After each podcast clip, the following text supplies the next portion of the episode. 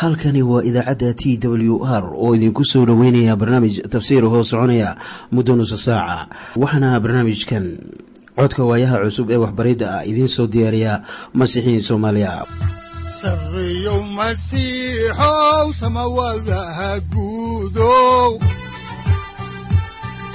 Siraadkii adduunkow subanaha eebow sareyow masiixow samawadaha guudow siraadkii subanaha eebow adigoo samaada jiro ifkaan soo saldhiganba saldhiganba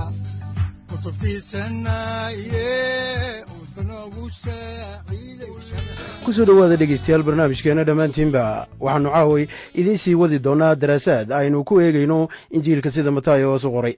Waana daraasaadkaas loogu magacdaray baibalka dhammaantii. Waxaannu macluumaad idinka siinaynaa ahmiyadda injiilka sida mataayo hoosu qoray. Waxaanan caawi idiin sii wadi doonnaa cutubka toddobaad oo aan horay idinku bilownay. Haddaba mawduucyada cutubkan uu ka kooban yahana waxa ay kala yihiin kow xidhiirka ka dhexeeya dhallaanka boqortooyada iyo carruurta boqorka. Waxaa lagu hayaa ama lagu wadaa salaadda labo digniinta kama dambaysta ah ee ku saabsan labada dariiq. Saddex nebiyada beenta ah. Afar hawsha beenta ah iyo tan shanaad oo ah labada aasaas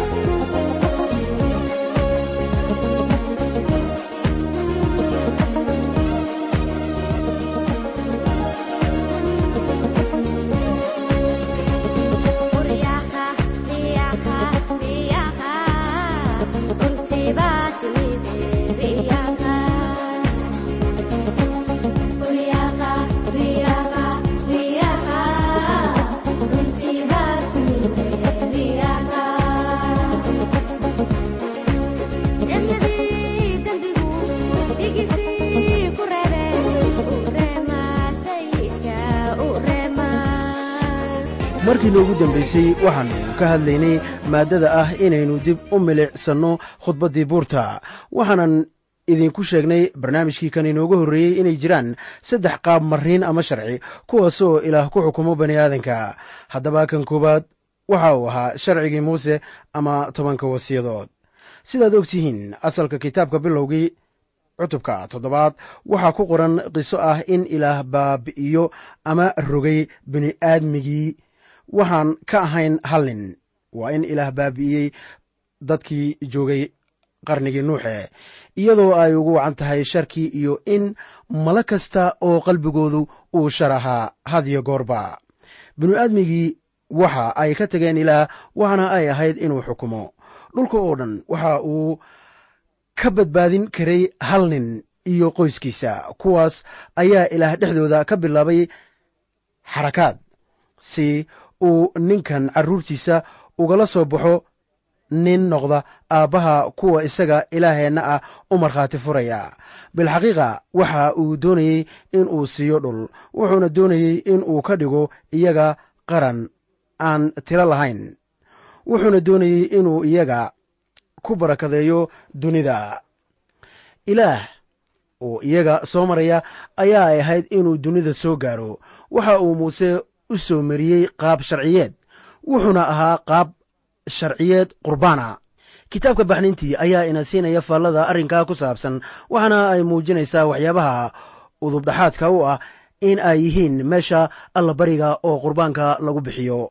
Meesha allabariga waxa ay ka hadlaysaa isku tallaabta sayid ciise maseex ilaahna dembi ma cafiyo marka laga yimaado qurbaanka la bixiyo. Waayo waad arkaysaa in sharcigu aanu badbaadinaynin dadka. Waxaase keliya ee uu muujinayaa inuu yahay dembiile waxa uu noqday qaab xukuma dadka mase noqonin qaab wax badbaadiya. Markaana markii aad eegto axdigii hore oo dhan qurbaanka la gubo. Waxa uu tilmaamayey imaanshaha badbaadiyaha oo ah sayid ciise maseex ciise wuu yimi waxaana uu isku bixiyey sida boqor si loo kaamilo waxyiyadii ku qoraa axdigii hore. Laakiin qarankii israa'iil way diideen isaga. Injiilka sida matayos u qoray waxa uu ciise inagu barayaa sida inuu yahay boqor. Haddaba waa arrin anigu aan rumaysanahay oo shakhsi ii ah in qayb kasta ee ah waxa ku qoran injiilka sida matayos u qoray ay tahay sidii loo fahmi lahaa xaqaa'iqa ah in ciise yahay boqor. Markaan eegno injiilka sida matayos u qoray sidaan idiin soo taabannayba. Ciise wuxuu u dhashay sida boqor wuxuuna u noolaa sida boqor wuxuuna u dhintay sida boqor. Wuxuuna mar kale dhimashadii uga soo sare kacay sida boqor wuxuuna dhulka u imanayaa kol dambeeto sida hubaasha sida boqor. Mid ka mid a waxyaalaha uu sameeyey markii uu dunida joogay waxay ahayd inuu dadka ogeysiiyo sharci ka duwanaa kii muuse. Sharcigaasuna waxa uu ahaa khudbaddii buurta sida ku qoran injiilka sida matayos u qoray cutubyada shan lix iyo toddoba. Qaybo ka mid a waxaa laga helaa injiilada kale laakiin injiilka sida matayos u qoray ayay khudbaddu ku idishahay. Sidaan idiin sheegay waxaan ku kalsoonahay inkanuu yahay sharciyo isku lifaaqan waxaana taa daliilo ah markii uu soo qaatay laba ka mid a wasiyadihii oo uu gaarsiiyey heer ka sarreeya halkii ay joogeen markii hore. Heerkaasoo aan loogu macnayn ama loogu fasirin sida ay ugu qoran yihiin axdigii hore. Waxa uu yidhi haddii aad walaalka u caraysan tahay waxaad ku eedaysan tahay gacanku dhiiglanimo wax sidaa ahi kuma qorna axdigii hore xitaa waxa uu yidhi haddii aad qof dumar ah damaca ku eegtaan durbadiiba qalbigaad ka sinaysateen waxaanaad ku eedaysantihiin zino. Waxaa haddaba jira rag aan badnayn oo aan ku eedaysnayn jebinta sharcigaas. Haweeney masiixi wanaagsana oo ahayd maclimad baibalka dadka barta ayaa mar ii sheegtay in ay la kulantay nin wuxuuna ahaa wacdiye. Waxaa gabadhu tiri ninkaasu indhaha igama qaadin waanan garanayey wixii niyaddiisa ku jiray. Markaa haddaba la eego khudbaddii buurta waxa uu ninkaasi ku eedeysan yahay macasi khudbaddii buurta ayaa sare u qaadaysa sharciga. Qof baa is odhan kara miyaanay sidaa ahayn sida aynu maanta u noolaanayno? Waxaan idin leeyahay maya marka sidaa loo noolaanayo waa wakhtiga boqortooyadu timaaddo dunidan waa boqortooyada jannada. Wakhtigaas boqortooyadu timaaddo waxaa laga yaabaa inaan yeelanno sharci aan isku lifaaqnayn. Waxaana ay ahaanaysaa ama kaasu noqonayaa sharciga boqortooyada taasoo masiixu taagi doono mustaqbalka. Waxaa ku dhex jira mabaadii caaqibo leh oo innaga inoo wanaagsan laakiin waxaannu halkan ku haynaa qaab sharciyeed aan la mid ahayn kii hore. Haddaba aniga iyo adigaba waxaynu ku nool nahay wakhtigii nimcada amase sannadadii ruuxa quduuska. Waa wakhti ilaah dadka ku badbaadiyo nimco mase ahan wakhti la isku badbaadiyo sharci ama in sharciyo la raaco. Inama aysan badbaadin wax innaga aynu samaynay. Sida daacadda saaxiib maahid masiixi ilaa adigu aad wax rumaysato. Waxaasina waxa weeye waxyaabihii lagu qoray warqaddii koowaad ee rasuul boolos u qoray dadka korintos cutubka shan iyo tobnaad aayadaha saddex ilaa afaroo leh qayb ahaan. Masiixu wuxuu u dhintay dembiyadeenna sida qorniinku leeyahay. Waa la aasay isaga oo maalintii saddexaad ayaa la sara kiciyey sida qorniinku leeyahay. Kaasuna waa injiilka waana wixii aad ku badbaaday. Markii lagu badbaadiyey kadib ilaah waxa uu ku hayaa ama uu ku siin doonaa hab aad ku noolaanayso. Habkaasuna ma ahan kan sharciga mana ahan tobanka sharci ama amaradood way iyo way. Waxaanse garanayaa urur diimeedyo dadka bara waxyaabo ka soo horjeeda mabda'aas. Aniga qudhayda ayaa lagu soo habay ama laygu soo koriyey oo laygu callimiyey qaab diimeedyadaas. Naqtiinkii ama warqaddii ugu dambaysay ee jaamicadda markii aan ka hadlayey maaddada isdaahirinta iyo sida ilaa loogu noolaado waxaa ka buuxay tobanka wasiyadood. Haddaba sharciganu ma ahan qaab nololeed mana ahan qaab nololeedka nolosha masiixiyiinta. Qof baa durbadiiba odhanaya ma waxaa loola jeedaa inaad sharciga burin karto? Marka la leeyahay ma dhowri kartid. Dabcan lagu siin maayo xorriyadda sharciga aad ku burinayso. Waxaase loola jeedaa inaan leennahay qaab nololeed ka sarreeya kan tobanka wasiyadood laakiin waxaad ku doodi karaysaa inaad tidhaahdo war sawdigii lahaa haatan.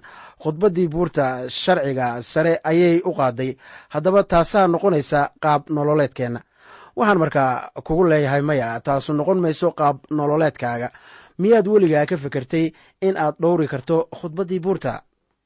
Waa tii ciise masiix dadka u jeediyey e waxaannu markaa idiin sheegaynaa inaadan dhowri karin taa iminka. Haddaba miyaad diyaar u tahay in aad maqasho warbixinno kaa yaabinaya. Kow haddaan idinku bilaabo khudbaddii buurta waxa ay kiniisadda ka dhex abuuraysaa munaafiqnimo ka badan wax kasta ee kale taasoo kiniisaddu samayso.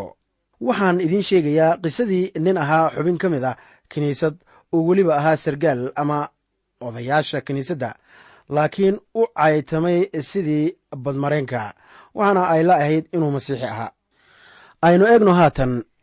Oo dib ugu soo noqonno injiilka sida matayos u qoray cutubka shan iyo tobnaad aayadaha siddeed iyo toban ilaa labaatan oo leh. Laakiin waxaa afka ka soo baxaa qalbigay ka yimaadaan oo kuwaas weeye waxaa ninka nijaaseeya. Waayo waxaa qalbiga ka soo baxa fikrada sharka leh iyo dilidda iyo zinada iyo wasmada xaaraanta ah iyo tuuganimada iyo maragga beenta ah iyo cayda kuwan weeye waxaa ninka nijaaseeya. Laakiin in lagu cuno faro aan la mayrin ninka ma nijaasayso waxaad markaa yeelan kartaa diin shuruuddeedu noqonayso inaad gacmaha iyo jirkaba aad daqato markaa kadib ayaad ilaah baryi karaysaa si kastoo ay tahayba niyadda qofka weeye halka dhibaataysan. Dadka waxaa la soo gudboonaadaa ama haysta xaalad degdega oo xagga quluubta ah.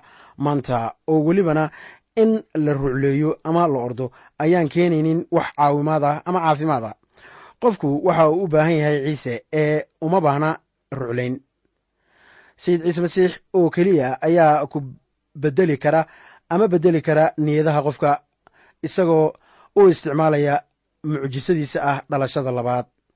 Waa marka qofku uu mar kale dhasho taasoo uu ka dhalanayo ruuxa.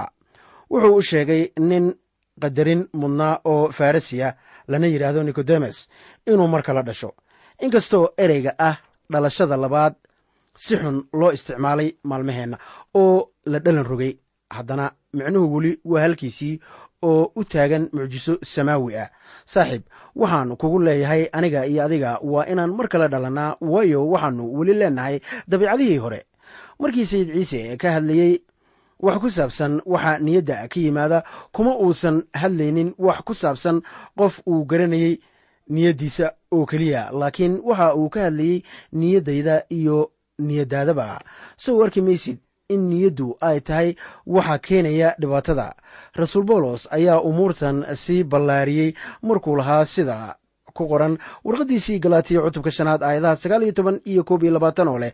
Shuqulladii jirku waa muuqdaan waana kuwan zino wasakhnimo dhilannimo sanam caabudid sixirnimo cadownimo dirir masayr xanaaq is-ilaaq iskala qaybqaybin bidcinnimo xaasidnimo sakhraannimo rabshooyin iyo waxyaalo la mid ah. Kuwaas waan idinka digayaa sidaan markii horeba idinku sheegay in kuwa waxyaalaha caynkaasa sameeya ayan dhexli doonin boqortooyada ilaah waxaannu maanta ku jirnaa wakhti xasaasiya marka la eego xagga samaha. Waxaanan noolnahay wakhti ay jirto dameer xumo aan xisaab lahayn. Waxa ay dadku iska fogeeyaan samihii ku salaysnaa mabda'a yuhuudnimada iyo masiixinimadaba waxaana ay wax u sameeyaan sida ay had waliba ku faraxsan yihiin waxaan maqlay nin brofesor ka ahaa kuliyad oo laga wareysanayey telefishinka. Waxaa la weydiiyey su'aasha ah maxaa hagaagsan wakhtigeenna jawaabtiisuna waxay ahayd wax waliba way hagaagsan yihiin haddii ay kaa dhigaan ama ku dareensiiyaan wax wanaagsan. Markaan taa sii fasirno ayaa waxaan helaynaa haddii ay kaa farxinayso ama wanaag ku dareensiinayso inaad aabbaha iyo hooyada soo disho intaasu noqonayso wax hagaagsan haddaba ilaah waxa uu ina siiyey axdigii hore si aynu ku maarayno dabiicaddii hore. Laakiin sharciyadaasu ma ayan maaraynin dabiicaddii hore. Waayo qarankii ilaah siiyey sharciyada ayaa ilaah ka tegey. Ilaah bay ka dheeraadeen. Si kastoo ay tahayba qofku ma uusan cabiri karaynin sharciga amase kama haysanin qiyaas go'an ee uu raaci karayo bawlos ayaa arrinkaa ku noqday markii uu qorayey warqadan ama uu qorayey aan idhaahdee warqadihiisii. Iminkana aynu haatan ku nasanno hees ay inoogu luuqayaan culimo soomaali a haddaba markii ay sidaas tahay sidee buu qofku u noolaanayaa? Ma ahan in qofku ku noolaado. Haddaba dadaalkiisa iyo awooddiisa waayo taasu suuragal uga dhigi mayso nolosha hadalladii ilaah waxa ay leeyihiin sida ku qoran warqaddii rasuul boolos u qoray dadkii reer galaatiya cutubka shanaad aayadaha labaiyo labaatan ilaa saddex iyo labaatan oo leh laakiin midhaha ruuxu waa jacayl farxad nabad dulqaadasho roonaan wanaag aaminnimo qabownimo iscelin. Waxaa caynkaasa haddaba sharci ka gees ahu ma jiro. Ha yeeshee ma jiro haddaan ku soo noqonno faalladeennii sharci soo saari kara dabiicadahan. Dabiiciyan aniga iyo adigaba inooguma jirto inaan wax jeclaanno. Kama wado jacaylka isgalmaadka laakiin waa jacaylka aynu ka tiiraanyoonayno kuwo kale iyo jacaylka dhabta ah ee aynu ilaah u hayno. Jacaylka noocaasa caadiyan kuma yimaado. Waxaa jira hees caana oo leh waxaan samaynayaa waxa caadiyan iiga yimaada welibana soomaalidu waxa ay tidhaahdaa waano abuuris baa ka horraysay waa hagaag. Markii qofku sameeyo waxa caadiyan uga yimaada waxa uu soo saarayaa ilbaxnimadeenna maanta oo ah midaan sharciga waafaqsanayn oo dulli ah. Waxaa jira su'aal nin waliba oo madaxa imaanka ku hayo waxaana weeye qarankeennu ma ka badbaadayaa dulligan. Waxaan markaa leeyahay saaxiib laga badbaadi maayo. Haddaan la soo cusboonaysiinaynin maaraynta dabiicadihii hore ee dadka. Haddaba sidee baad u soo saaraysaa midhaha wanaagsan ee jacaylka roonaanta qaboobida iyo wixii la mida waa hagaag. Midhahaas dadaalkaaga kuma soo saari kartid. Waxaad dib ugu noqotaa khudbaddii buurta halkaasoo lalahaa waxaa barakadaysan kuwa qalbiga ka miskiinka ah. Waayo dhulkay dhexli doonaan. Waxaa taasi ku qoran tahay injiilka sida matayos u qoray cutubka shanaad aayaddiisa shanaad waxaad shuuciyiinta kala hadashaa xaalkan ku saabsan kuwa qalbiga ka miskiinka ah. Miyay dunida ku qabsanayaan iyaga oo qalbiga ka miskiin ah? Taas waa su'aal aan jawaab loo haynin baan filayaa. Waxaa taas weydiisaa dadka reer afghanistan haddii ruushku qalbi qaboobi la yimid waddankooda. Markii uu soo farageliyey warqad baan ka helay nin khaliif ka ah waddanka etoobiya waxaana uu igu yidhi kuwa qalbiga ka maskiinka dhaxli maayaan dunida. Waa hagaag wayse dhexli doonaan dunida ayaan leeyahay.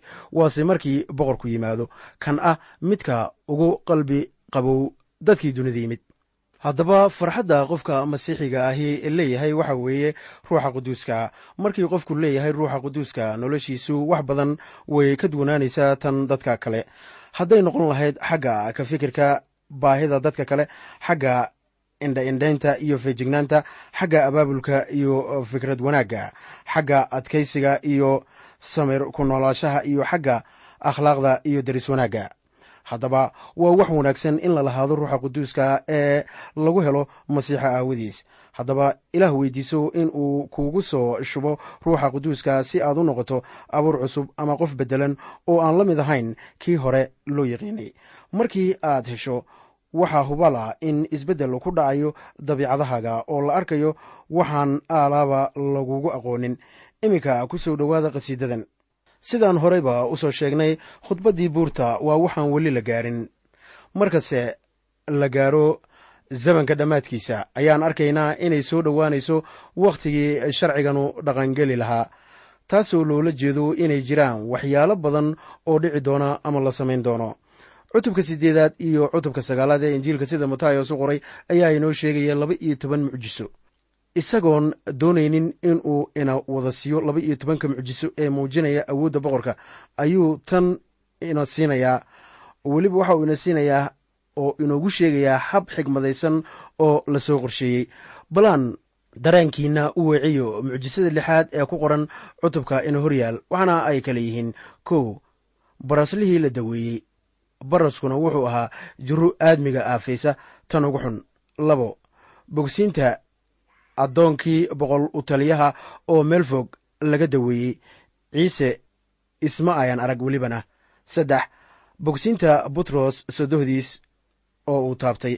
Afar jinisaaris wuxuu markan soo galay duni aadmiga ka baxsan ama ka sarraysa. Shan dejinta hawada iyo badda oo ah axwaalka dabiicadda wuxuuna tilmaan ka bixiyey awooddiisa arrimaha dabiiciga ah. Lix in jinniyada laga saaro raggii reer gadanaani aan idhaahdee oo ahayd howl aad u adag. Marka la eego axwaalka dunida ruuxyada boqorku waxa uu soo dhaqaaqay ama uu yimid haatan dhul kale.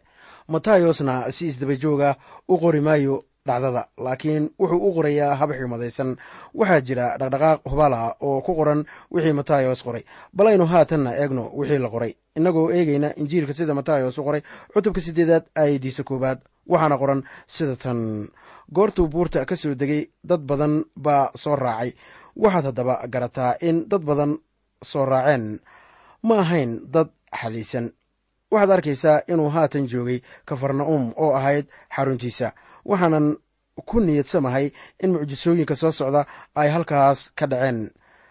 Dabcan tanu waxa ay keenaysaa in laisweydiiyo halkii uu joogay markii uu akhrinayay khudbaddii buurta. Waxaan akhriyey masalo fara badan laakiin u malayn maayo in ay muhiim tahay inaan ogaanno deegaanka. Waxaa laynoo sheegay markii uu ka yimi buurta in dad fara badani ay soo raaceen. Miyaa boqorka haatan uu awoodayaa in uu ku wacdiyo nidaamka. Miyuu xitaa awoodayaa in uu dhaqaajiyo awoodaha ku xeeran bani aadmiga? Haddaba taasu waa su'aal muhiima iminkase aynu ka hadalno maaddada ah ciise oo bogsiinaya nin baras qaba. Haddaan haatan dib ugu noqonno kitaabka ayaa waxaa ku qoran injiilka sida matayos u qoray cutubka siddeedaad aayaddiisa labaad sida tan. Oo baleeg waxaa u yimi nin baras leh oo caabuday oo ku yidhi sayidow haddaad doonaysid waad idaahirin kartaa. Waxaad ogaataa in ciise uu ka yimi halkii sare ee buurta oo uu haatanna yimid dhulkii hoose. Baraska oo ahaa calaamad dembi sida ku qoran axdigii hore ayaa la rumaysnaa inuu yahay cudur aan la daweyn karin. Barasku wuxuu ahaa cudurka loogu necab yahay.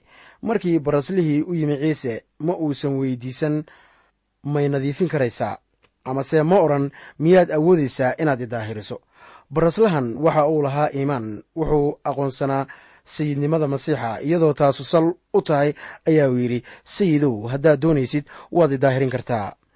Waxa aynu weydiisanno ma ahan mar waliba doonistiisa saaxiib laakiin haddii ay tahay wax uu doonayo wuu samayn kari lahaa. Waxaase aad muhiim u ah waxa weeye in doonista ilaah ay mudnaanta koowaad leedahay. Way kuu sahlanaan kartaa adiga laakiin aniga iima sahlana inaan doonista ilaah soo hormariyo. Sidaan baanan u leeyahay ducada. Sayidow miyaad sidan ii samaynaysaa? Waayo waxaan doonayaa in aad sidaas ii samaysid. Laakiin baraslihii waxauu yidhi waan garanayaa inaad awooddo laakiin ma doonaysaa? Waxaana loola jeedaa haddii ay doonistaada tahay. Tanu xoogaa bay ka duwan tahay waxyaabaha aynu maqalno. Marka dadku ay tukanayaan oo ay dalbanayaan in ilaah u sameeyo waxyaabaha qaar waxaan idinku leeyahay saaxiibayaal horta ilaah go'aanka ha lahaado waana sidaas sida ay noqonayso mar waliba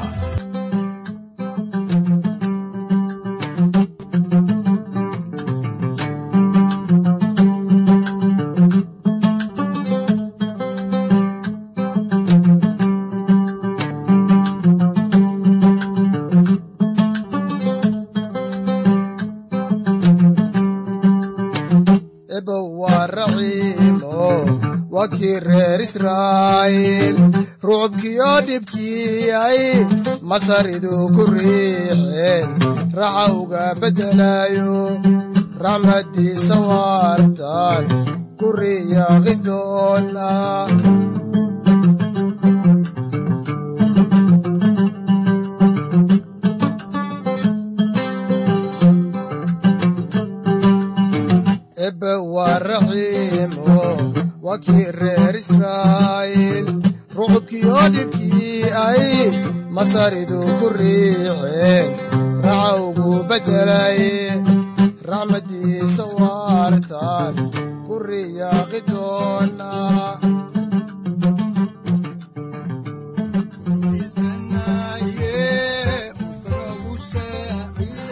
halkani waa t w r idaacadda t w r oo idinku leh ilaa ha idin barakeeyo oo ha idinku anfaco wixii aad caawi ka maqasheen barnaamijka.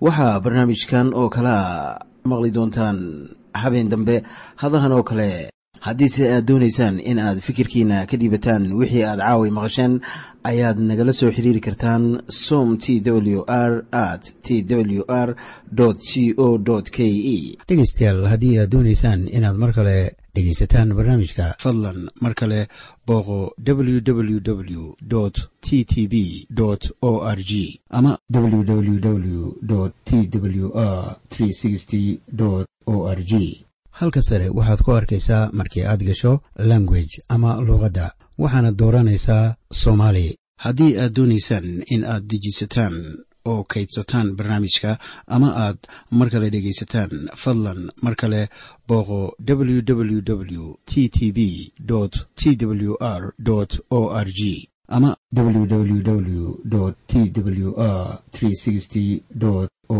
r g haddii aad doonayso in laga kaalmeeyo dhinacyada fahamka kitaabka amase aad u baahan tahay duco fadlan fariimahaaga soo mari bogga aaraahda ama kommentska inana jawaab degdeg ah ayaanu ku soo diri doonaa amase ku siin doonaaye. Sareyow masiixow salula wihiyow saacadda timid dhulka sabada ku dhalatiyo